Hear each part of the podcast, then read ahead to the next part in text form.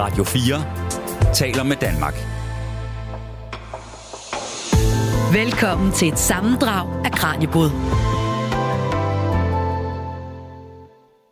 Velkommen her til weekendudgaven af Radio 4's videnskabsprogram Kranjebrød. Den næste times tid skal vi høre de allerbedste klip fra de programmer, vi har sendt i løbet af ugen. Denne uges Kranjebrød har stået i julens tegn. Vi har undersøgt, hvorfor brætspillet er så populær en julegave. Så har vi kigget på verdens ældste julehjerte, som ingen ringere end H.C. Andersen selv har flettet. Og fra julepynt til julemad, så er vi blevet klogere på, hvad det er for nogle madtraditioner og smagsoplevelser, der fylder mest i juletiden. Til sidst dykkede vi i forlængelse af VM-fodboldturneringen i Qatar ned i begrebet sportswashing. Så glæd dig til nogle spændende klip. Velkommen til Kranjebruds klip fra ugen. Du lytter til Radio 4. Juletiden er over os, og det betyder også gaveindkøb. En af de populære gaver under juletræet juleaften er brætspillet, hvilket netop var emnet i mandagens Kranjebruds udsendelse. Hvorfor bliver vi fanget af at vende kort og kaste med terninger? Og hvad får vi ud af at rykke brikker rundt på et bræt? Det undersøgte vi sammen med lektor Andreas Liverot fra Aarhus Universitet. I klippet, vi skal høre nu, fortæller Andreas om en personlighedstest, som forskere bruger til at analysere forskellige typer af brætspilspillere. Og så skal vi høre om, hvordan man bliver god til spil, eller det hele bare handler om held. Jamen noget af det, vi har opdaget, altså min baggrund er i øhm, eksperimentel psykologi og socialpsykologi, og der kan vi godt lide personlighedstests. Ja. Men der findes forskellige sådan, personlighedsmodeller for spillere, som vi også bruger der. Og der opdagede man med det, man kalder faktoranalyse, som er sådan en statistisk måde at hive ting fra hinanden og se, hvad lader til at være unikt for forskellige mennesker, at øhm, der er 6-7 forskellige gennemgående komponenter, man kan se, folk siger, når de gerne vil spille, når de spiller spil. Det kan for eksempel være sådan noget som afledning, det er bare fordi, det er rart sjovt, det jeg kommer til at tænke på noget andet. Det kan være det sociale, det kan være, øh, hvad hedder det, fiktionen, altså der er nogle spil, som har rigtig meget historie bygget ind i. Rollespil er et eksempel på et spil med rigtig meget historie. Der er også uh, Pandemic, som jeg har taget med her. Det er jo også et spil med, med en meget tydelig historie, ikke? Altså det handler jo om en, om en pandemi, man skal stoppe. Lige præcis. Der er nogle spil, spil, som er meget tematunge, og hvor man bliver investeret i sådan spillets gang og den fortælling, der, der kommer ud af det, uanset om du udvikler en figur, der bliver nævnt Munchkin, du bygger en, en, en mm. sej lille fyr, der er nede i en dungeon og slås med drager, eller om du prøver på at redde verden fra en, fra en pandemi. Men det er lige præcis det. Det, det er et tematungt spil, og det er der nogle mennesker, som rigtig godt kan lide. Så kan de egentlig tåle ret sådan, trist spilmekanik, hvis temaet og det fælles, man går op i, bare er, er engagerende. Og så er der, øh, så er der ophidselse.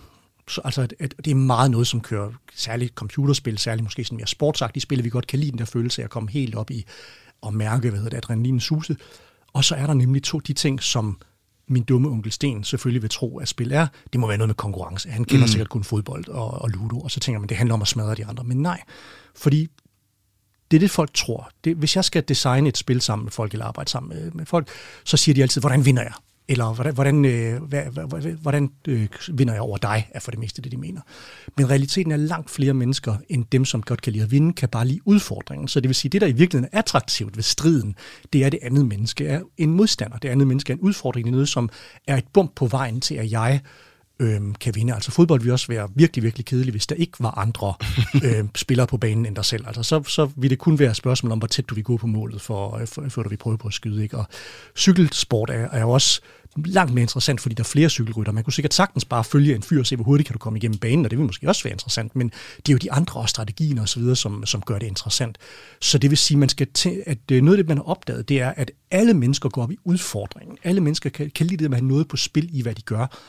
Men når vi så begynder at måle på, hvad folk godt kan lide, også når vi måler på kvinder og mænd for eksempel, så kan vi se, at langt flere siger, at jeg kan egentlig godt lide udfordringen, end siger, at jeg kan godt lide konkurrencen. Der er en gruppe, som er konkurrenceorienteret, men det er slet ikke alle. Og det er faktisk noget af det, som, øh, som også er interessant ved Pandemic, nu vi er det fremme, at mm. til at starte med, så var spil, måske med undtagelse af syvkabale, meget noget, man spillede i fællesskab, og man spillede imod hinanden, eller på hold imod hinanden. Var noget af det, som jeg synes er den mest fantastiske udvikling, måske fordi jeg kommer fra den der rollespilsbaggrund, hvor man egentlig arbejder sammen imod øh, monsteret, man skal finde i detektivhistorien, eller, eller noget, det er, at der er kommet rigtig mange samarbejdsspil. Så Pandemic er jo et spil, hvor man ikke spiller imod hinanden. Udfordringen består i at klare spillet. Og man, spiller faktisk mod brættet. Man spiller, man spiller nemlig mod brættet, man spiller mod virusen, som, som dukker op, og man skal, og hvor man skal tale om og sige, hey, men det er jo dig, som er logistikeksperten, så du kan sørge for, at vi får ressourcer der og derhen, så kan jeg i næste runde, fordi det er mig, der er forskeren, så kan mm. jeg tage derhen, men det kræver lige, at du gør det her først, så det kræver, at man aftaler og koordinerer på tværs. Og det er jo noget helt andet end Matador, som sådan er et af de mest populære og elskede spil, men som, sådan, som spilmekanik går faktisk er, er temmelig nederen. Altså det er et spil, som bliver, bliver frygteligt dårligt efter, efter ret kort tid, fordi du har ikke så mange valgmuligheder. Du kan rulle terningen, se hvad der sker, og hvis du er heldig, så får du det valg, at du kan øhm, købe grunden eller lade være. Og det er sådan et andet, en anden klassisk teori om spil, øhm, som hedder spiller ser interessante valg. Du skal vælge, om du vil satse på rouletten, eller om du vil forlade roulettebordet. Du skal vælge, om du vil øhm, bluffe, eller om du vil trække dig ud i, i poker. Du skal vælge, hvad vil jeg bruge min tur på i Pandemic? Hvordan kan jeg bedst bidrage til fællesskabet? Mm. Så det der, der er et valg, hvor du føler sådan en grad af agens det, det er også en ret vigtig psykologisk komponent. Altså man føler sig, man føler måske, at man har noget magt eller nogle evner, som man ellers ikke vil have. Og det er ikke sådan en Superman-ting. Det er bare noget med, i den her, nu er det mig, der får lov til at gøre noget. Nu er jeg faktisk vigtigere. En anden øh, vigtig komponent, som du nævnte over for mig, øh, det var sådan noget som håb, der mm-hmm. også betød enormt meget for, hvorfor vi, hvorfor vi spiller. Altså, hvad ligger der i det her med håb?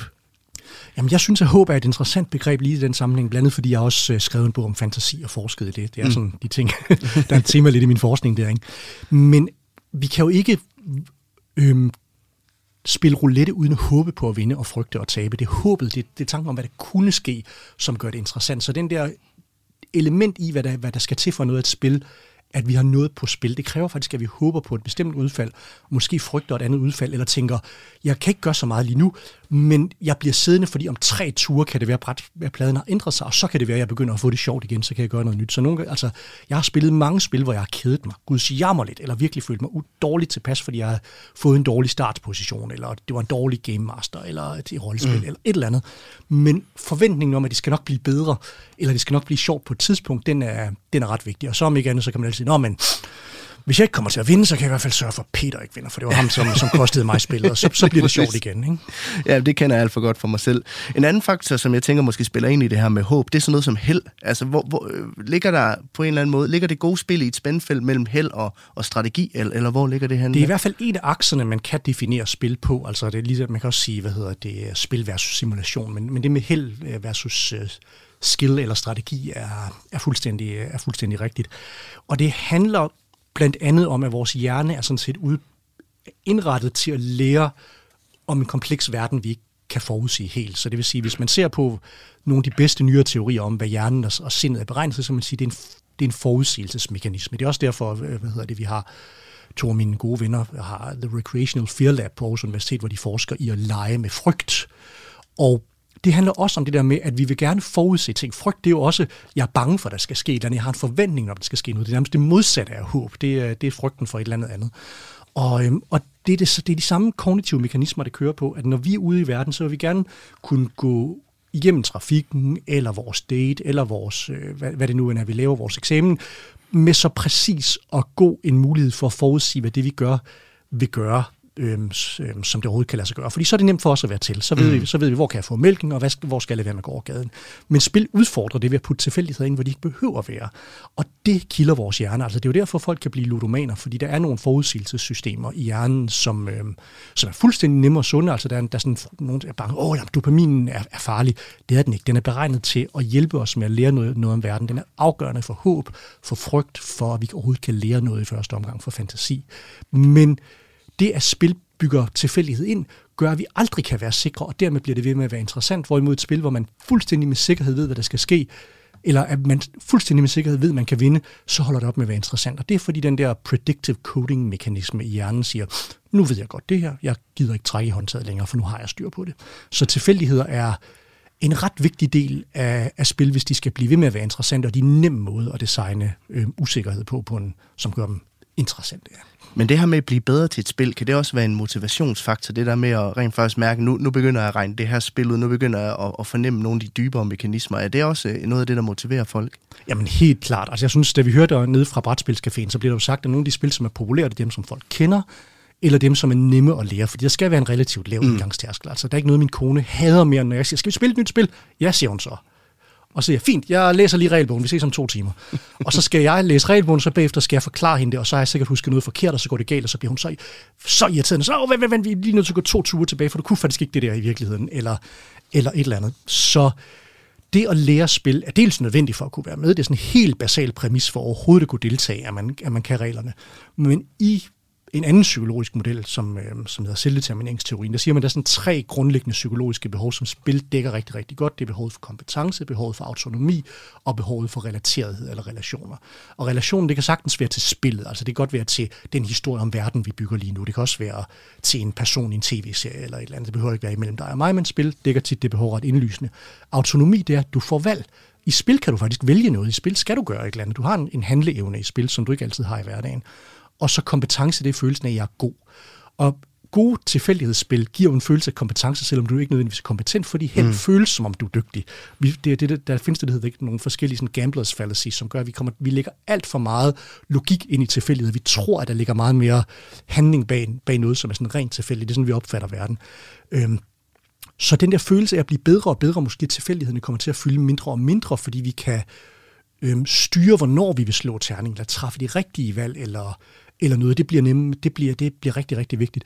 Så man kan sige, at der er mange faser i det at være interesseret i et spil, og det første det er bare at måske at forstå spillet og sige, hey, hvad er det for noget? Det, det er komponenterne til lækkerud, jeg vil gerne lege med det, til nu begynder jeg at forstå regler, nu vil jeg prøve nogle nye ting, til nu forstår jeg reglerne, nu vil jeg vinde, eller nu vil jeg knække det.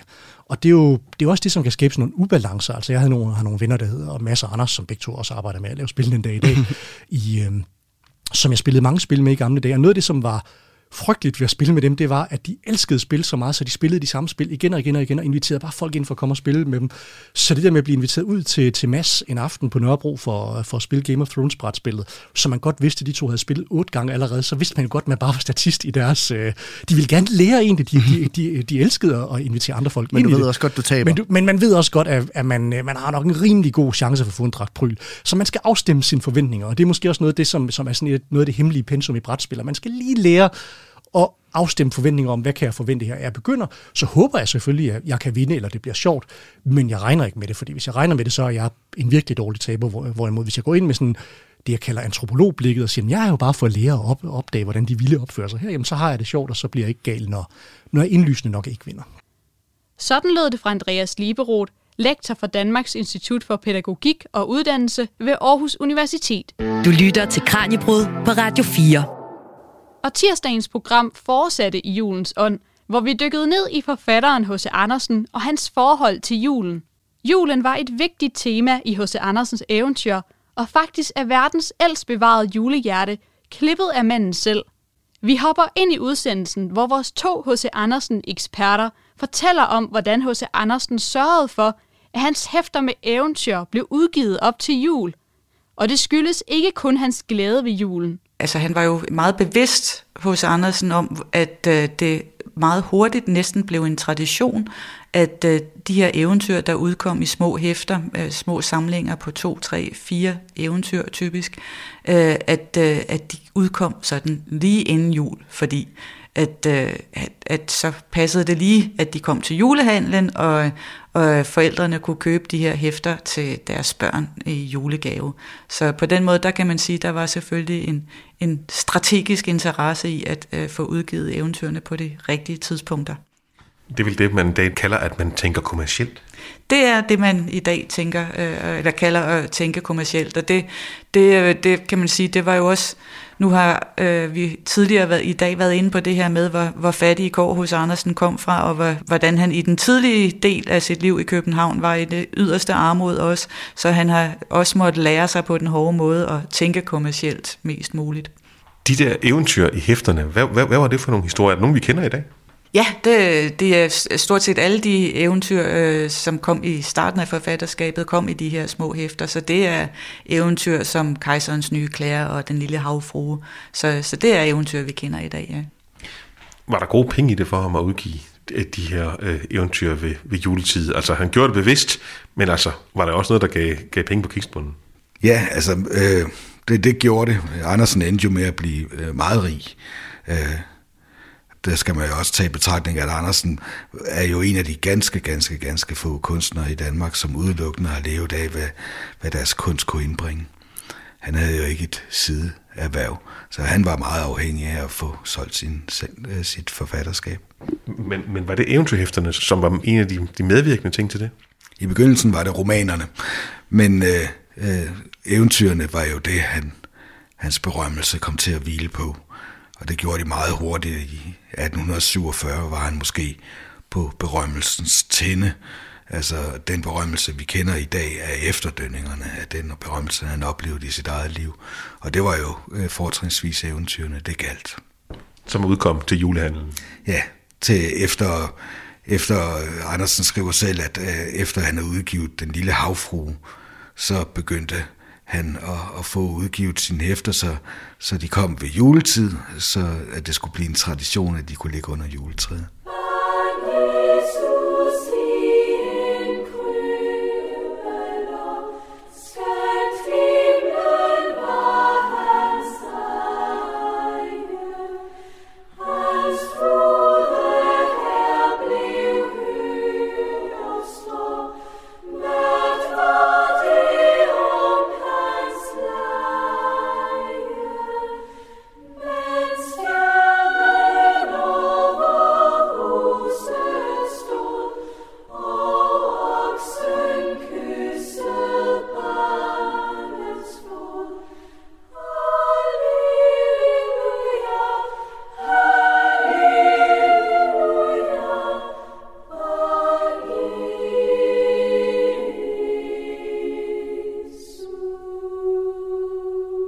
Og det stykke musik, du lige hørte her, det har altså noget at gøre med dagens emne i Kranjebrud, fordi at øh, det handler om H.C. Andersen og jul.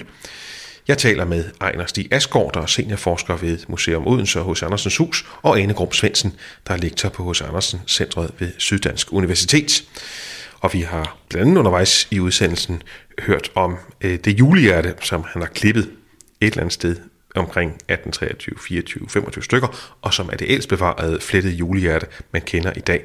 Det musikstykke, vi lige hørte, Anne Krumme Svendsen, hvad var det for noget? Ja, men det var jo hos Andersens øh, julesalme, vi hørte. Barn Jesus i en krybelå, som han skrev i 1832. Og Andersen var jo rigtig glad for julesalmer og for Brorson og Kingo, og, og gik også selv sådan meget trofast i kirke første juledag, som var den store sådan julemarkering. Og ved de lejligheder blev der selvfølgelig sunget julesalmer, og det har nok også inspireret ham til også selv at lave sin egen. Den blev først sat i musik, Barn Jesus i en krybelå i 1859, tror jeg det var, øh, og den kom først i salmebogen så sent som i 2003, men øh, alligevel må jeg sige, det er, det er jo nok en, en salme, som rigtig mange kender, og som stadigvæk også bliver brugt hyppigt ved juletid. Var det den eneste julesalme, han, han skrev? Ja, det var det. Hvordan kan det være, når han var så produktiv i øvrigt? Hmm, ja, det er et godt spørgsmål. Altså, nu kan man sige, at han har jo heller ikke vidst, da han skrev digtet, kan man sige, at det ville blive sat i musik. Øh, der, det, det, sådan er det også med flere andre øh, af Andersens digte, at de først sidenhen er blevet sat i musik. Øhm, så derfor så har han måske ikke haft sådan nogen øh, decideret strategi i forhold til, om han skulle lave salmer eller ej på den måde. Altså det har måske mere været heldige tilfælde, øh, når, når tingene siden er blevet sat i musik. Ellers så kan man sige, at øh, selvfølgelig øh, gennemsyrer, øh, gennemsyres hos Andersens forfatterskab generelt af, at han var troende, som, som alle mennesker var på, på det her tidspunkt, men at han ikke var det på sådan en særlig ortodox måde. Godt nok gik han som sagt i kirke første juledag smorgen, men, øh, men ellers var han ikke nogen hyppig kirkegænger, og han betragtede i høj grad, skriver han flere steder, sådan naturen som hans kirke, og det var der, han ligesom bedst fornemmede Gud. Så han havde sådan en lidt mere inderliggjort tro, end, end de fleste på det her tidspunkt. Og mange af de ting, han så har skrevet om julen, der er det jo heller ikke nødvendigvis fordi, at de bibelske motiver, de vælter ud over det hele. Og der er ligefrem nogle steder, hvor det næsten er en lille smule hedensk. Det er ikke nødvendigvis, fordi H.C. Andersen lige præcis i det tilfælde her har skrevet om det. Men hvad er det for noget, øh, Ejner Stig Asgaard? Ja, det er, det er jo et eksempel på øh, en af de første illustrationer til H.C. Andersens eventyr. Det er, det findes trygt i en, en svensk øh, børnebog, som hedder Legekammeraten, øh, med forskellige eventyr fra 1838. Så det var ret tidligt. Og der kan vi altså se den første illustration til et af Andersens eventyr, øh, trygt her som et, et, et litografisk stykke. Og det er en illustration til Andersens eventyr om rejsekammeraten, og om Johannes, som efter farens død rejser ud i verden for at finde sig lykken. Og han har været overnattet i en kirke og, og, og at, at ved det, nogle brutale kale ikke skænder et lig i en kiste. Øh, og da han så forlader kirken og vinker han tilbage til kirken, og det kan man se her, og så op i kirketårnet, så står er der kirkenissen, som vinker tilbage til Johannes. Og det er den første tegning, man har af en nisse. Simpelthen en urnisse. Det er en urnisse, ja. Men det var ikke fordi, at den her urnisse havde en fremtrædende rolle i rejsekammeraten selv. Det er illustrationen. Det er illustrationen helt bestemt, og rejsekammeraten er jo heller ikke et, et juleeventyr. Altså skriver han om nisser andre steder hos Andersen? Ja, det gør han. Øh, Andersens øh, tro er jo øh, ejendommelig i den forstand, at, at han øh, sammenstiller den også med, med overtro øh, og overnatur. Øh, allerede i indledningen til hans selvbiografi, som hedder Mit livs eventyr, der, der snakker han jo om, øh, øh, at det er Gud, der har æren, men hvis han nu havde mødt en fe, så havde skæbnen nok også været øh, den samme. Så der er en sådan underlig blanding af tro og overtro, og det er også måske noget, der stammer tilbage fra, fra barndomstiden af, hvor øh, hans mor var utrolig øh, stærk i sin tro, øh, og tog Bibelen på ordet, øh, hvorimod faren han havde et mere sådan, kan man sige, fritænkerforhold til Bibelen, han kunne læse mellem linjerne. Men Andersen skriver, at, at hele den her trosverden, den var også for godt øh, vasket op i overtro. Og Andersen, han har jo de her øh, folketrosfigurer. Øh, de dukker jo op i hans eventyr, for eksempel Nissen hos Spækhøgeren, øh, hvor Nissen jo er det her øh, væsen, som, som man jo gerne skal være på god fod med. Hos Andersen tilbragte afskillige juleaftener i udlandet. Og en af gangene, det var i Berlin. Og hvad var det for en jul, han tilbragte der? Det var julen i 1845, hvor hos Andersen var taget til Berlin og, og havde øh, den forhåbning, at øh, han nok ville blive inviteret hjem hos Jenny Lind, øh, som også var i Berlin på det her tidspunkt, og som hos Andersen jo havde en, en stærk interesse i at være sammen med, fordi han var forelsket i hende. Øh, men det skulle ikke flaske sig sådan. Øh, det blev til en, en aften, han sad alene, og det skriver han i selvbiografien Mit livs eventyr, sådan øh, også meget, meget trist om, hvor, hvor, hvordan det var mærkeligt for ham at være alene den aften. Og hvordan lyder det? Det lyder sådan her. Og midt i denne sus og tummel, i alt dette overmål af godhed og interesse for at gøre mig mit ophold her behageligt, stod en aften tom, ubesat. En aften, hvor jeg pludselig følte ensomheden i en tryggende skikkelse. Det var juleaften. Netop den aften, jeg med barnets sind glædede mig over børnenes glæde, se de ældre blive børn igen. Han sidder helt alene, han drømmer om Jenny Lind, men hun har ikke tid til ham eller lyst til ham lige den aften, eller hvad? Altså hun siger jo til ham efterfølgende, at hun troede, at han var indbudt så mange andre forskellige steder, så, så hun ikke øh, ville indbyde ham lige den aften. Det lyder nu lidt som en halvskidt undskyldning, vil jeg så sige. Men de kommer til at se hinanden i Berlin. Ja, det gør de, fordi hun retter jo så op på den her misforståelse øh, og inviterer Andersen til juletræ. Og så sidder de jo så der og, og hygger sig i Berlin. Men ikke juletræ juleaften? Ikke juletræ juleaften. Men, øh, men øh, Andersen er jo vældig, vældig glad for at sidde sammen med hende og i julestemning. Og da de så sidder der, så lyder der fra rummet ved siden af, ved flylet, en tone. Tonen C, ding, siger så. Og det bliver Andersen frygtelig forskrækket, fordi at Andersens, øh, han, han var jo overtroisk i den forstand, han ikke ønskede at, at se genganger eller spøgelser. Det ville han ikke have. Derimod havde han ligesom slået en pagt med det overnaturlige om, at hvis de nu skulle melde sig til ham, så skulle det være gennem lyd. Øh, og da han så hørte det der C på klaveret, så frygtede han jo, at der var sket noget med den kolinske familie, for familienavnet Kolin begynder jo med et C. Men det viste sig jo så, at det bare var noget slud og vrøvl. Der var ikke noget galt med den kolinske familie. Men det viser sig lidt om hans tosindighed, fordi han kunne både skrive julesalmer og samtidig være bange for spøgelser og øvrigt også skrive om nisser og så videre. Ja, jeg tror, man skal forestille sig Andersens sind som, som et sind, som ikke affærdiger noget. Altså han brød sig om alle religioner og alle forestillingsverdener. Der var ikke noget, der ligesom skulle arrangere over noget andet. Så på den måde var han jo øh, meget øh, liberal, hvad, hvad sinds forestillinger angår. Men hvad tænker I, Ejner Stig Asgaard og Anne Krum Svendsen? Var julen noget særligt for H.C. Andersen?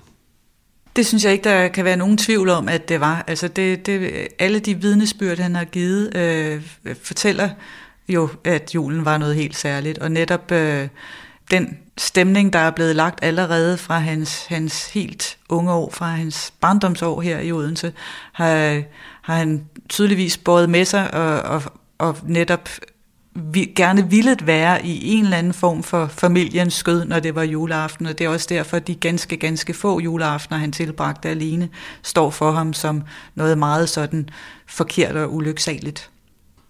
Men vi kan godt fastslå, at når mange forbinder hos Andersen med jul, så er der også, også en grund til det. Åh oh ja, det er der. Der er bestemt meget at, at, at have det i. Det var altså Ejner Stig Asgaard, seniorforsker ved Museum Odense og H.C. Andersens Hus, og Ane Krum Svendsen, lektor på H.C. Andersen Centret ved Syddansk Universitet. Jeg hedder Tine Bring Hansen, og du lytter til weekendudgaven af Radio 4's videnskabsprogram Kranjebrød. Her serverer jeg nogle udvalgte klip fra de programmer, der er blevet sendt i ugens løb. Og skulle du være blevet nysgerrig for at høre de fulde programmer af de klip, som jeg spiller for dig her i dag, så kan du lytte til dem alle på Radio 4's hjemmeside eller i din podcast-app.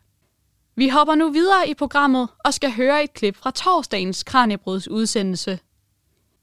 Jul, jul og mere jul.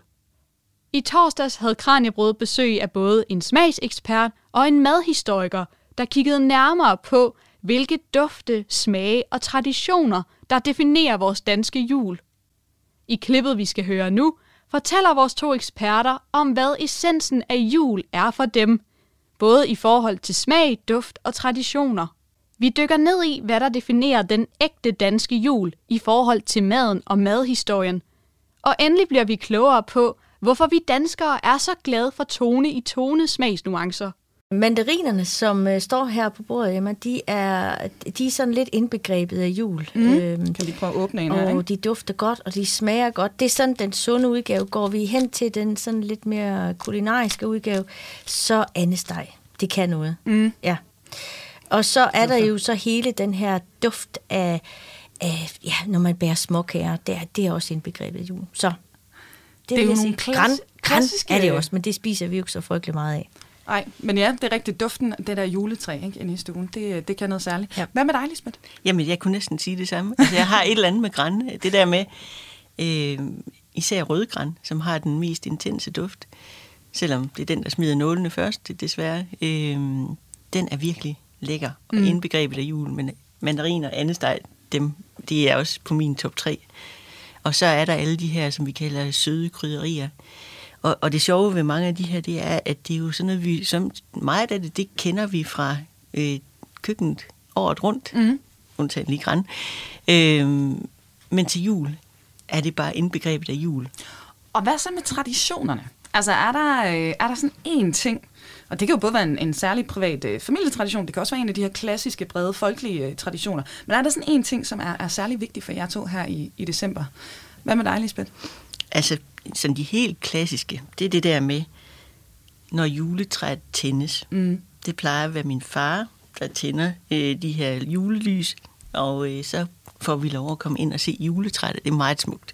Og så det der med, at man danser rundt om træet, man synger sammen og holder hinanden i hånden. Det gør vi altså ikke til hverdag i min familie, skal jeg hilse at sige.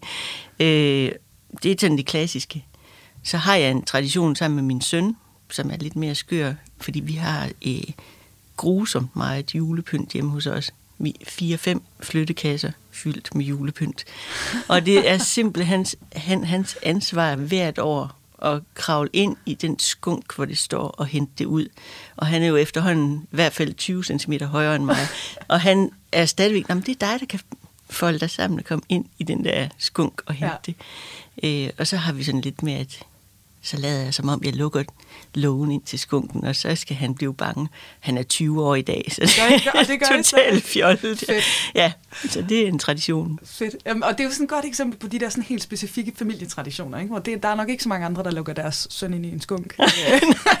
Jeg lukker ham ud med det samme, men det ved han jo ikke. og Bettina, hvad med, hvad med dig?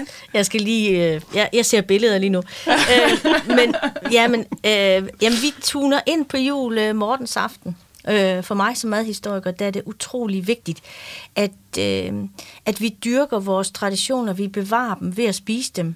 Mm. Øh, eksemplet er jo fastelavn. Ikke? Altså hvis vi ikke havde fastelavnsbollen, var der jo rigtig mange af os, der ikke har små børn længere, der skal klædes ud, der ikke vil der, der vil tænke på fastelavn. Ja. Altså hvis den ikke var der i, i, i bagerens butik, så vil den jo bare gå i glemmebogen. Ja. Det samme har jeg med Mortens Aften, og det er sådan der, hvor vi tuner ind på jul. Og så går det jo ellers bare derudad med forøgelse af taljemålet stille og roligt, øh, fordi der er både juleknas og julekager, og, og så skal vi jo selvfølgelig også øh, have lidt andet steg i løbet af, af december og sådan noget. Ikke? Så det er rigtig meget den her kulinariske oplevelse, vi skal have med.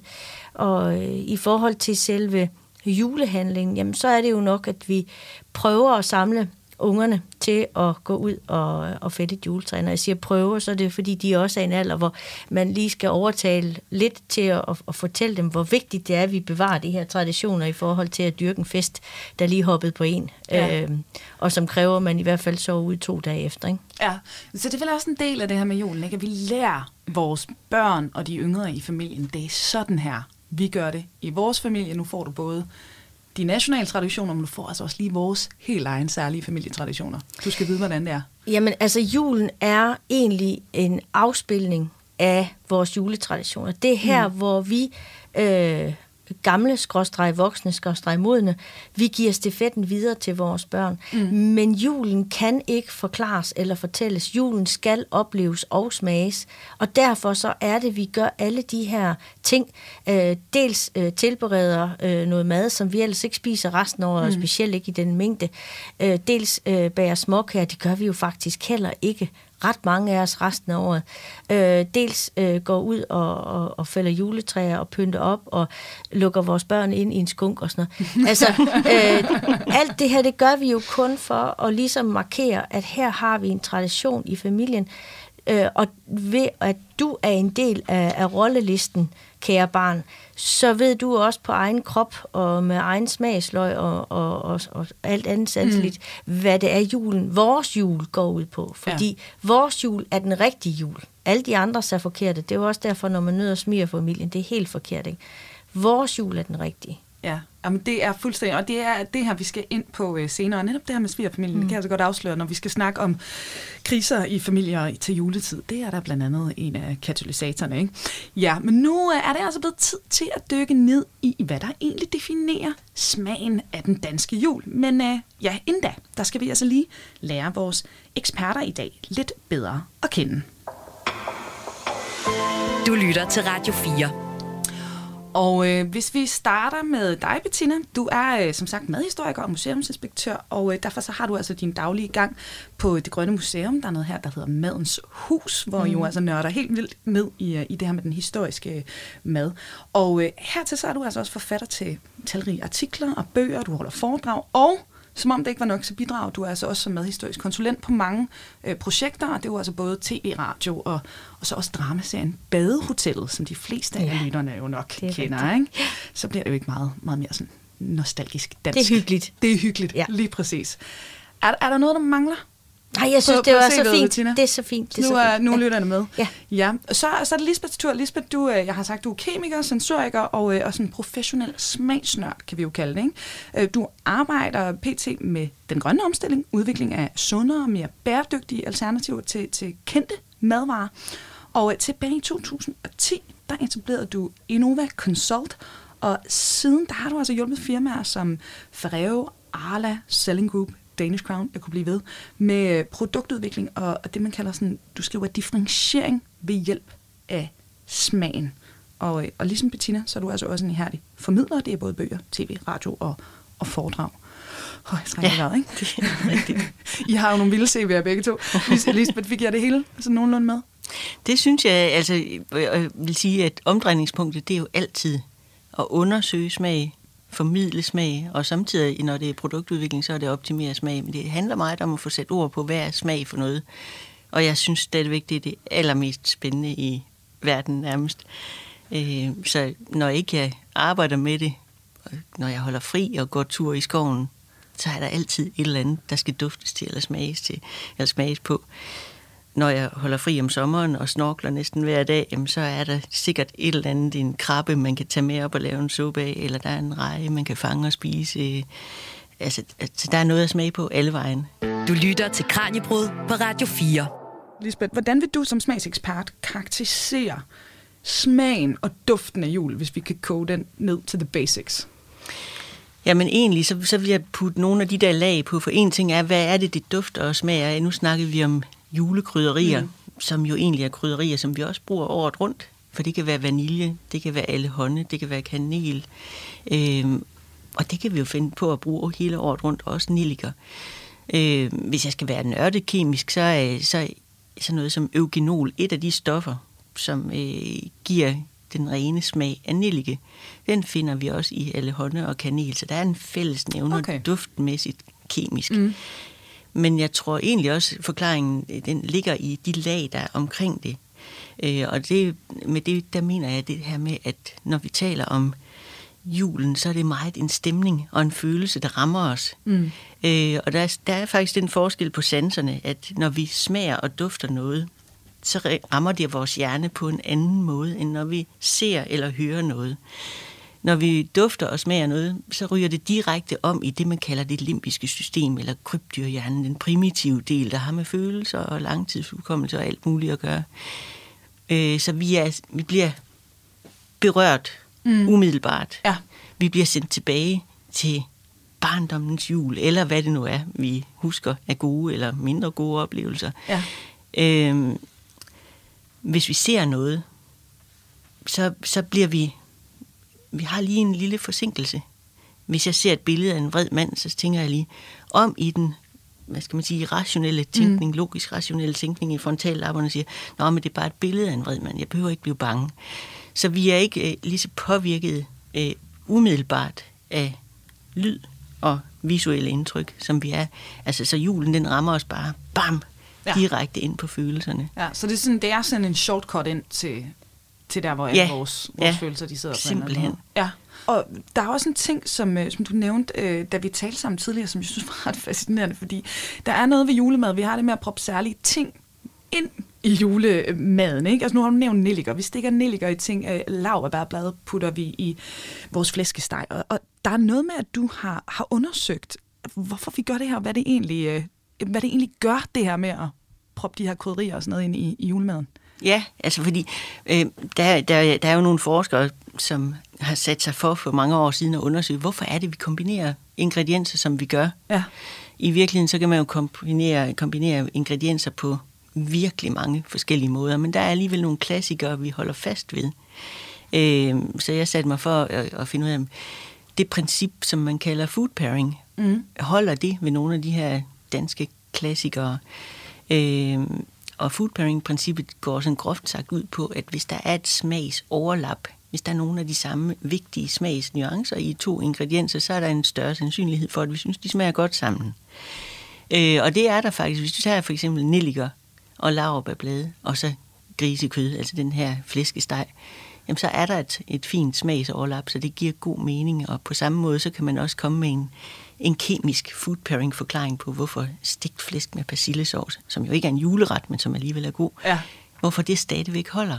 Øh, så det er jo sjovt, at der kan komme ja. det der lag på lag på. For ellers så er julen jo dybt irrationel på mange måder. altså hvorfor vi, bliver, hvorfor vi gør de ting, vi gør. Ja, ja. Det rammer ja. følelserne. Ja. Men lige det her med, hvordan vi parer julemaden, det giver altså god mening, når man ser på, det gør det. på videnskaben. Og er det sådan en særlig nordisk ting, eller sådan en vestlig ting, eller er det sådan en global ting, det her med sådan tone i tone smagsnuancer? Altså, altså det her food pairing-princip, det er, det, er, det er sådan her i Nordeuropa, eller i Europa, Vesteuropa mm. og i Nordamerika, der holder det hvor man kan sige, hvis man sådan i groft saft skal sige det, så i Asien, der må det gerne lidt mere stridt i forskellige retninger smagsmæssigt. Men vi har et eller andet med, at det må godt være sådan man kunne kalde det harmoni, harmoni i smagene, ja. At der er det der smagsoverlap mellem ingredienserne. Det bliver ikke alt for vildt. Det var Lisbeth Ankersen, kemiker, smagsekspert og indehaver af Innova Consult, og Bettina Bull, der er madhistoriker og museumsinspektør ved det Grønne Museum. Du lytter til Radio 4. Så er vi nået til dagens sidste klip fra ugen. I anledning af VM-finalen i fodbold i Katar, undersøgte Kranjebrød i lørdagens udsendelse, hvordan sport og store kulturarrangementer kan bruges som et politisk værktøj, der både kan rense værtslandenes image og åbne døre for nye diplomatiske samarbejder. Et fænomen, der kaldes sportswashing. På trods af danskernes forarvelse over Katars VM-værtskab, så er vi ikke helt selv uskyldige.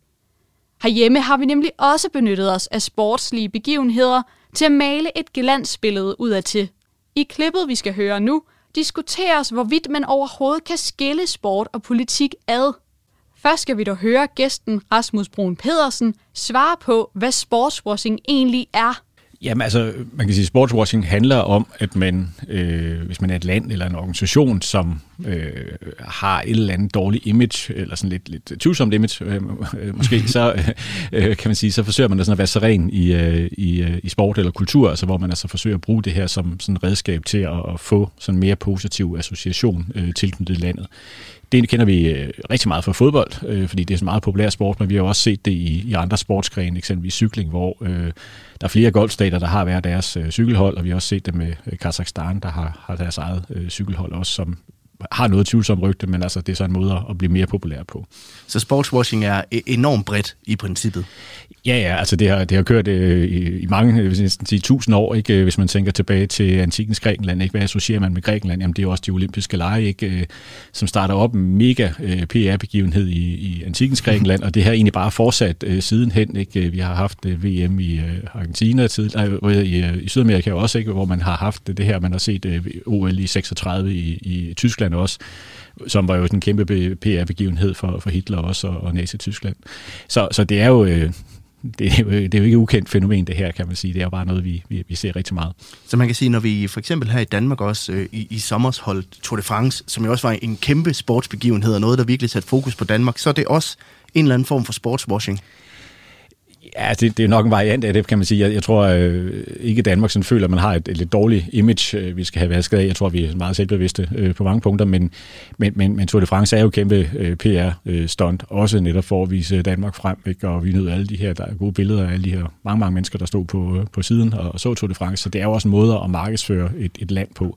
Jeg tror nu for Danmarks vedkommende primært har været, været sådan turisthensyn, øh, men øh, i princippet kan man sige, så kan vi jo sagtens bruge de her begivenheder netop som sådan en form for branding og en form for markedsføring af os. Ja, for mit, mit næste spørgsmål var nemlig, altså, hvad er det ultimative formål, hvis man kan sige det på den måde? Altså, er der, ku, er der kun det her med at vaske sine sønner rene, hvis man kan sige på den måde, eller, eller male billedet ud af til, eller kan der være andre mål med sportswashing også? Ja, altså, man kan sige, der kan jo, hvis man tager det sådan markedsføringsperspektiv, som man siger, så kan man selvfølgelig også håbe, at der er et eller andet form for, for tilbageløb. Og der, øh, men altså, der tyder i hvert fald tallene i forhold til, til Qatar. Jeg tror, jeg læste en opgørelse her i går, hvor man regner med, at man har brugt øh, 1.400 milliarder øh, kroner øh, på, altså det svarer sådan til 76 eller 75 storbæltsbroer, øh, bare til sammenligning, ikke? Øh, og så får man et tilbageløb på måske 17-18 milliarder. Så, så det er jo ikke det økonomiske øh, fordel ved det, kan man så sige. Så det må være noget andet, der er mere håndgribeligt, eller måske lidt mindre håndgribeligt.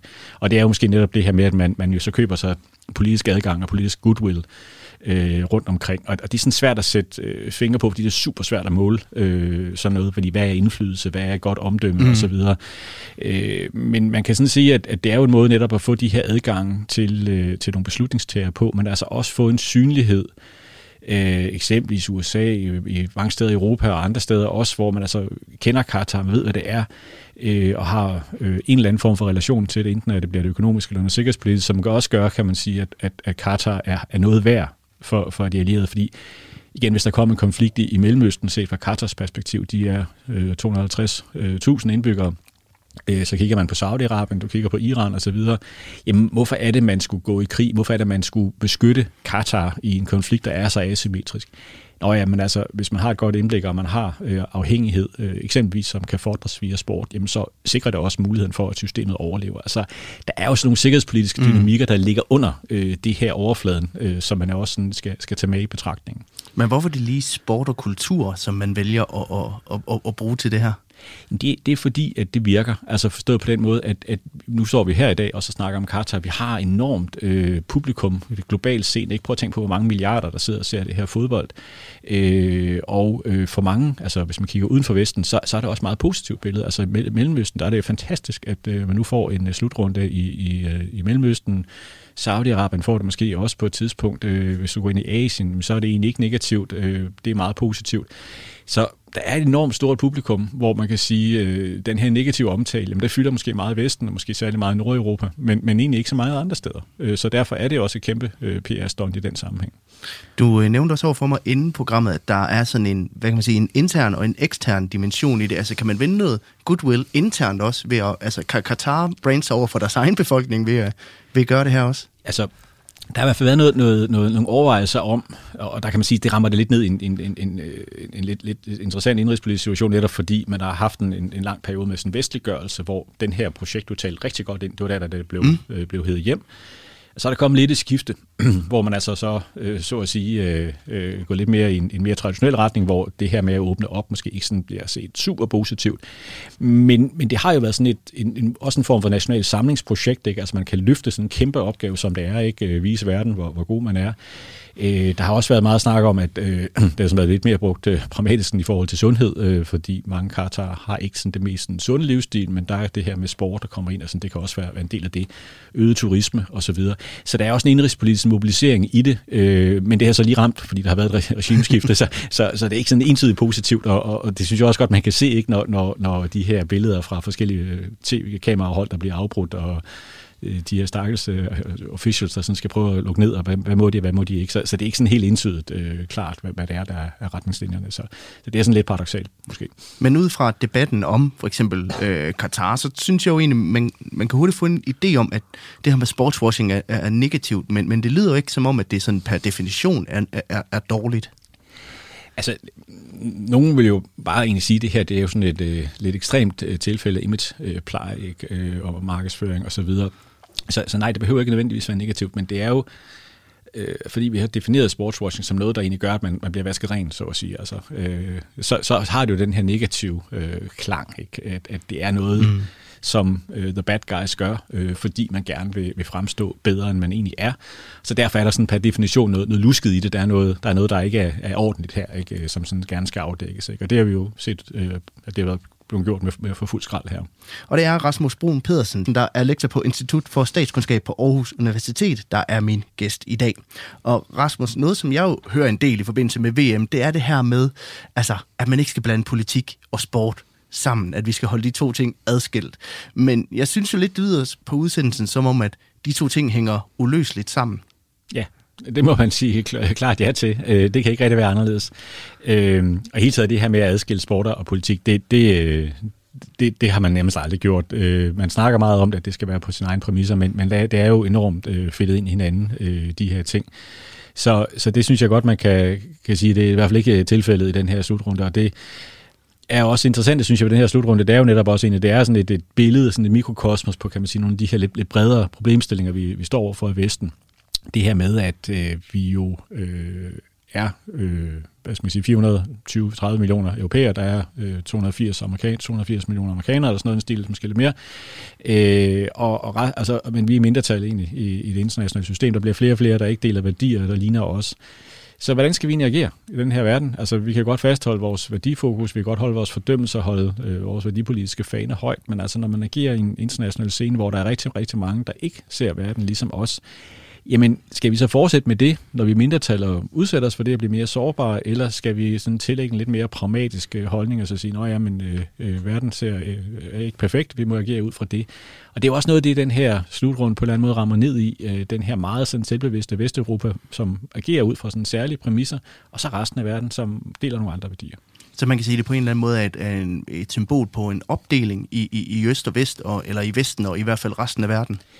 Ja, det kan man godt sige, fordi altså noget af det, vi, øh, hvis man sådan skal tage internationale politikbriller på, jamen, så er vi det, der betyder, at vi er på vej ind i en ny verdensorden, hvor vi går fra den her amerikansk stedet øh, unipolære verdensorden til sådan en mere bipolær eller multipolær orden, hvor der er en lang række andre ikke-vestlige stater, som jo bliver måske lige så stærke, endda endnu stærkere ikke, øh, end os. Og, og det gør jo altså, at, øh, at vi kommer til at være mindretal. Vi bliver den svage part øh, fremadrettet. Altså, vi er gået fra, Europa er gået fra at være sådan en imperiernes øh, kontinent, ikke være verdens centrum, til nu er øh, ikke periferi, men så sådan semi-periferi øh, de kommende år.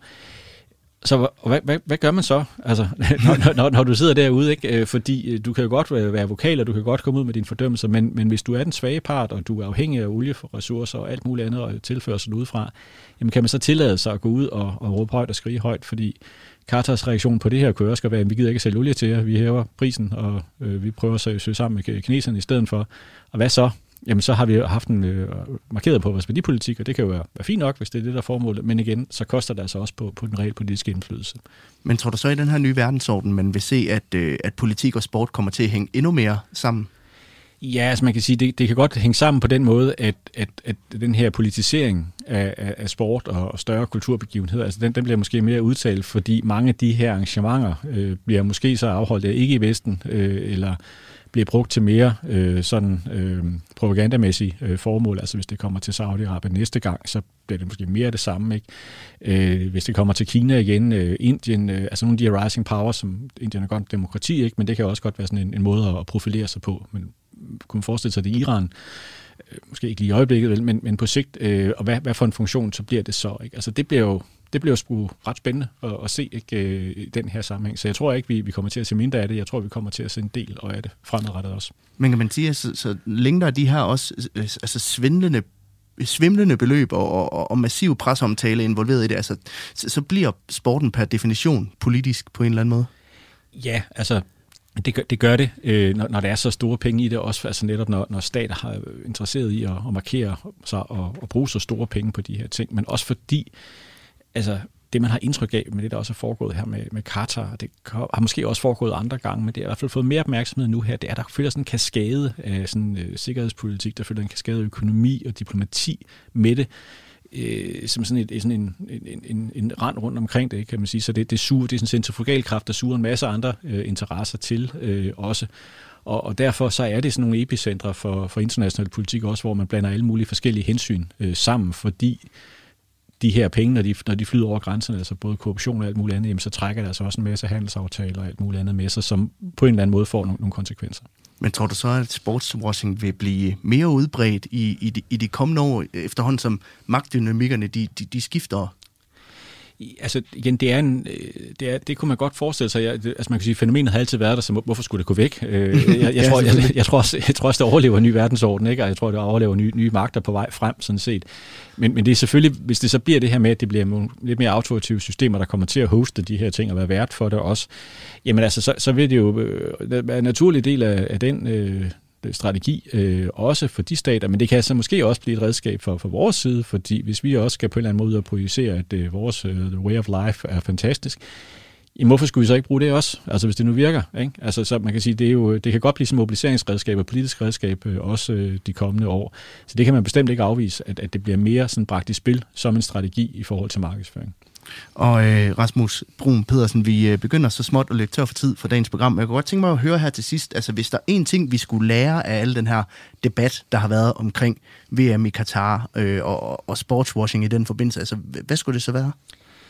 Jeg, jeg synes, øh, slutrunden og, og hele debatten øh, omkring det, der foregår, er, er super spændende. Øh, ikke bare fordi det er VM i fodbold, det, det er interessant nok i sig selv, men det her med, at vi jo netop ser konturen den her nye verdensorden. Vi ser de her nye magter på vej frem. Vi ser nogle lande, øh, der hvad flexer nogle økonomiske muskler, som, som vi slet ikke kan matche. Og derved kommer vi også til, til en af den her verdensorden, hvor igen Vesten bliver den svage part. Vi, vi er øh, presset, vi kan ikke længere øh, dominere verden øh, på godt og ondt. Øh, så derfor skal vi også til på en eller anden måde finde ud af, hvordan vi i Vesten vil tale om de her ting på, og håndtere de her ting på, hvad det er for nogle prioriteringer, vi skal lægge, øh, hvilken kurs vi skal have i forhold til mange af de her lande, som ikke ligner os. Og det er jo sådan en meget grundlæggende diskussion i virkeligheden om demokratier kontra resten, men også sådan noget om, hvordan vores selvopfattelse er. Fordi vi har jo en opfattelse af, at vi repræsenterer det gode og det rigtige, og de andre de repræsenterer noget, der ikke er så godt.